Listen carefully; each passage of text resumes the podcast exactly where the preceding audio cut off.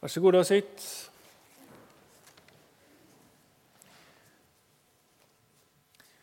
Vi sjunger eh, den här salmen idag eh, som vi sjöng. Vår Gud är oss en väldig borg. Dels för att det handlar om att den här dagen om himmelriket, om vad vi har, var vi har vår kraft, var vi har vår eh, trygghet och så vidare. Sen också för att det är reformationsjubileum nästa år. Och Martin Luther var en eh, som verkligen fick skymfas och eh, blev skymfad och han blev förföljd och, och fick verkligen lida för evangeliets skull. Eh, och så har vi, sjunger vi den också för att det är Gustav Adolfsdagen idag, vilket vi blir påminda om här i Göteborg inte minst, men också vid kyrkkaffet, tror jag. Ja. Eh, det är stort, det går rysningar genom mig när man sjunger den här salmen. Jag vet inte om det gör det genom dig.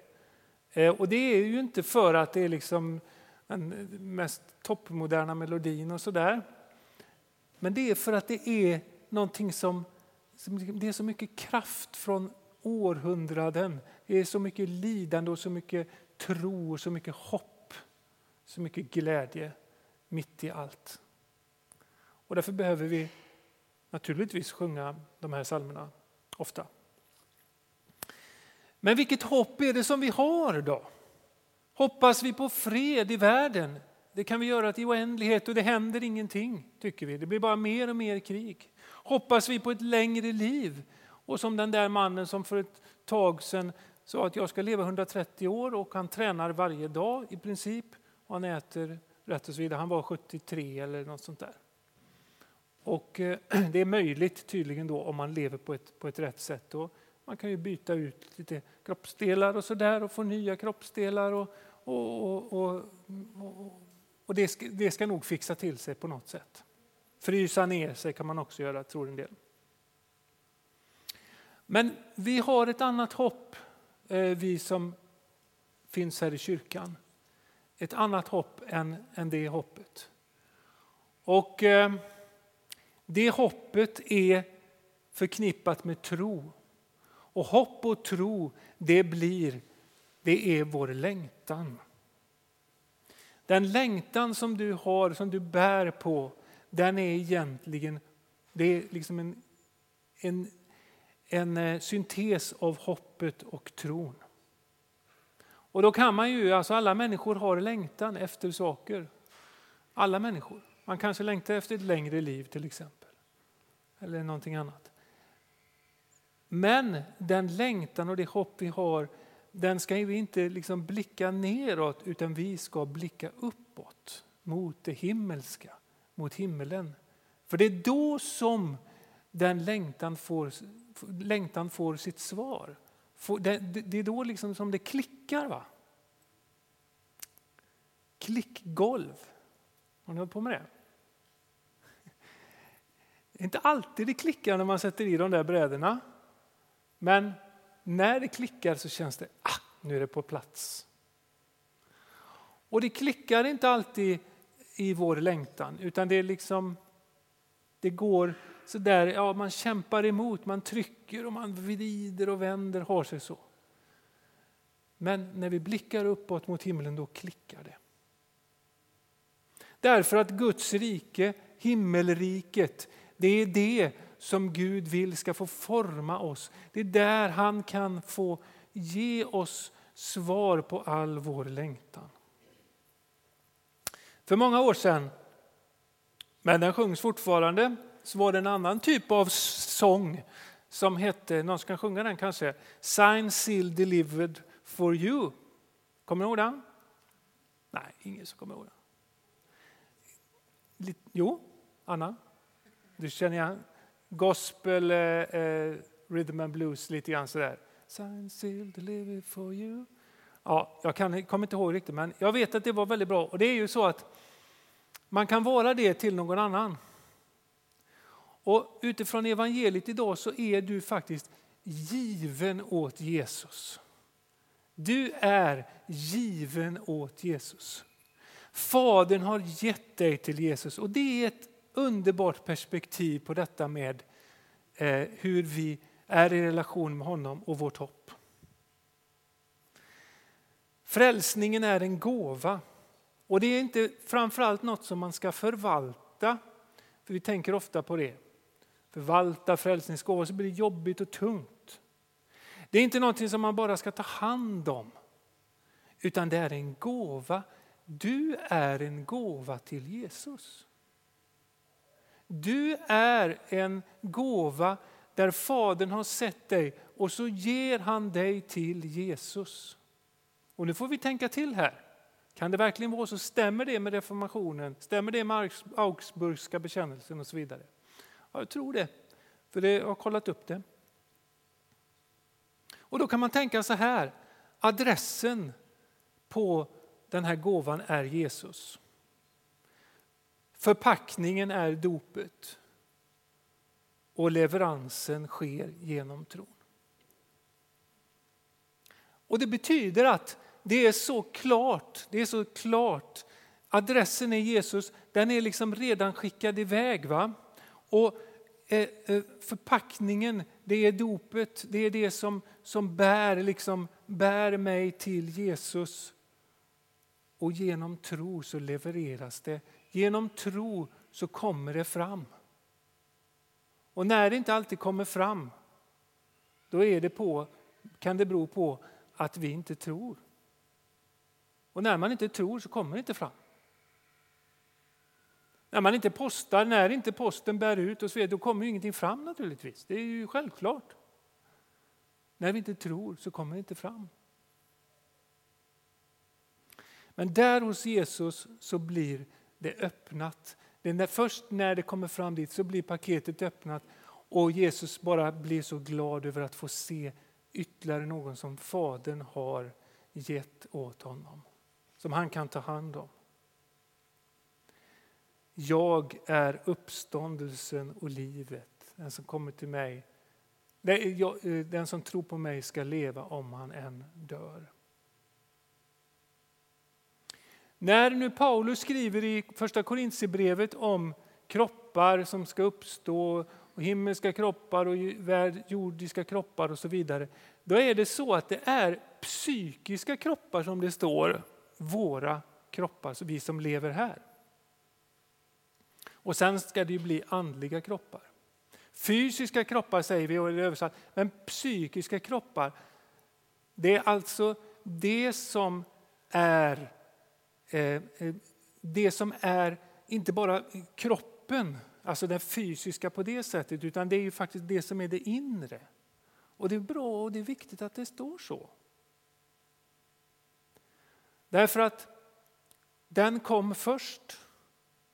Det var den som, liksom, eh, som får leva livet här, i förpackningen om man säger så. Och, men också det som är där inne. Men sen ska det bli något helt nytt. En ny uppståndelsekropp. Och den kroppen är inte densamma även om den har del av det. Och man kan säkert känna igen Anders och Andreas och flera andra. Men det är väldigt viktigt att det är en andlig kropp. Och som Paulus säger, den fysiska eller psykiska kroppen kommer först. Det liksom är det som är skapat och så. Och sen så ska det förvandlas. Och då måste vi ha blicken på det himmelska. Annars så, annars så blir det ju helt rörigt för, för oss och för, för, för Jesus också, om man säger så. va? Tänk om han ska liksom Tänk om han ska eh, förvandla oss och så, och så kan vi inte ha blicken på honom. Det går ju inte naturligtvis. Tänk om han ska skapa eh, en helt ny andlig kropp. Då måste han ju ha koll, måste vi ha connection där. Och så kunna få ihop det med den underbara skapelse som du och jag är. Men samtidigt står det också, och det är viktigt, det är anden som ger liv. Och det är alltså anden som ger liv till den nya uppståndelsekroppen i himlen. Men anden ger också naturligtvis liv här. Så när vi blickar mot det himmelska så är det den helige ande som ger det livet. Vår tro liksom bärs upp av den helige ande och han fyller oss, den strömmar ner i oss och vi får så se en del av himmelriket så att vi inte behöver vara utlämnade till att leva här bara i det jordiska. Vi är gåvor, Jesus har tagit emot oss. Vi lever på väg mot det och det strömmar ner till oss i de portioner som den heliga Ande vill. Och därför att det är så här så är vi heller inte förlorade som Jesus sen också säger. Eller som det egentligen står förstörda. Förlorad, man kan fundera på vad det betyder egentligen, att vara förlorad. Om jag skulle vara förlorad, för vem? Men förstörd, apollion. Eller hur man nu uttalar det, i vilken verbform och sådär. Det är förstöraren och det är det förstörda det ska inte bli förstört. Alltså du och jag ska inte bli förstörda utan vi ska få bli bevarade och eh, få vara hos, hos Jesus. Alla som kommer till honom. Det står i, eh, på några ställen, inte så på många ställen om det här, men eh, i Johannes 17 jag vakade över dem och ingen av dem gick förlorad, ingen utom fördärvets man för att skriften skulle uppfyllas. Alltså en gåva är du och jag till Jesus. Vi ska inte förloras, fördärvas, förstöras. Utan vi ska få vara hos honom när vi ger en gåva. Däremot är det detta svåra med Eh, Judas som eh, förstördes för att skriften skulle uppfyllas. Men det tillhör också Guds ord och vi får överlämna det i hans starka händer. Okej. Okay. Även om vi inte är förlorade, även om inte vi är förstörda och Jesus säger det så kan det vara lätt att se på sig som det. Livet tar ju slut. Man kan bli uppgiven, det går inte. Det fungerar inte vare sig att tro eller leva det här livet. Och man blickar mer och mer på sig själv och man blir mer och mer inkurverad i sig själv. Allt blir sämre, eller som Freddy Wadling, salig Freddie Wadling sjöng. Det blir bara värre. Men den fortsätter, har ni hört den låten? Inte den heller? Lyssna på den, den är väldigt bra. Eh, det blir bara, bara värre, men sen så fortsätter han, det blir, också, det blir bara bättre. Men att våga hålla ihop det här, att artister vågar hålla ihop det där som vi i kyrkan ibland inte vågar göra. Där vi bara liksom direkt ska gå till, eh, till himmelen utan att ta med oss skymforden och smärtorna och, och allt det där som det innebär att leva som ett vittne här på, i världen. Det är ju väldigt egoistiskt att tänka så. Det blir inte värre, det blir inte bara sämre med Jesus, det blir bättre. Därför att Jesus är livets bröd och det är därifrån som i Johannes 6 som vårt evangelium är hämtat. Vi ska inte hungra för vi har evigt liv i honom. Vi är inte förlorade. När vi äter och dricker av, han, av honom, då har vi det eviga livet. Om man var i Etiopien nu så skulle man säga halleluja efter det. Ska församlingen säga det? Alltså, halleluja. Mm, amen. Bra. Lite så här. Mm, bra.